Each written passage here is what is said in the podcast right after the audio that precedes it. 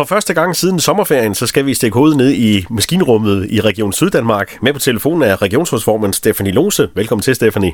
Tak skal du have. Noget af det, som øh, vi har hørt rigtig meget om her de seneste dage, det er covid-19. Det er blusset op igen, og i den forbindelse er der rigtig mange, der skal testes. Og det er jo noget, I står for i regionen. Hvordan ser det egentlig ud med testkapaciteterne? At det ser sådan ud, at der er meget, meget stor efterspørgsel efter at blive testet. På landsplan, der tester vi øh, over 40.000 danskere om dagen lige nu, og det kan vi selvfølgelig også mærke øh, i Syddanmark.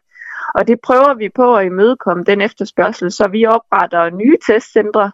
Vi samler de her forskellige spor, der har været, hvor der har været nogle gange været flere til, der blev testet i hver by.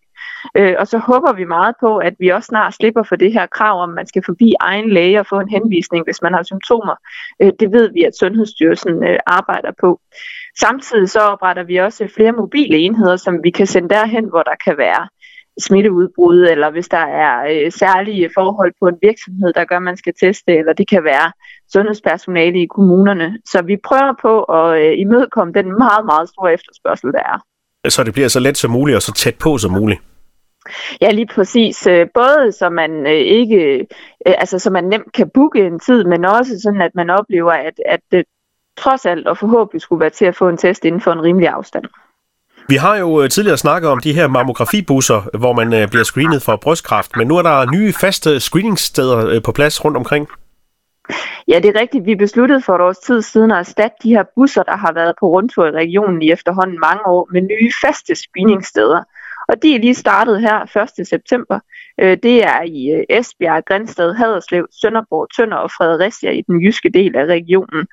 Øh, og formålet er i virkeligheden at sikre, at vi mere fast giver tilbud tæt på, når man har brug for at blive screenet, så man ikke nødvendigvis skal vente på, at bussen lige holder i nærheden af, hvor man bor.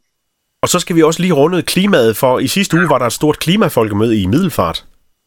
Det er rigtigt. Vi havde fornøjelsen sammen med Middelfart Kommune at arrangere det her klimafolkemøde i Middelfart, hvor der både var borgere og beslutningstagere, virksomheder og organisationer samlet for at finde de gode øh, løsninger. Og vi vil rigtig gerne blive klogere på, øh, hvordan øh, de unge, som jo er meget optaget af klimaet, synes, at øh, vi kan gøre mere. Så vi er inviteret under klimafolkemødet til sådan en klimacamp, hvor unge mennesker kunne komme med deres bud til, hvordan vi kan gribe øh, tingene an. Og nu skal vi så tage alt det fra både klimakampen og folkemødet med hjem i vores arbejde med, med klimaindsatsen i Syddanmark. Og det kommer vi helt sikkert til at høre mere til.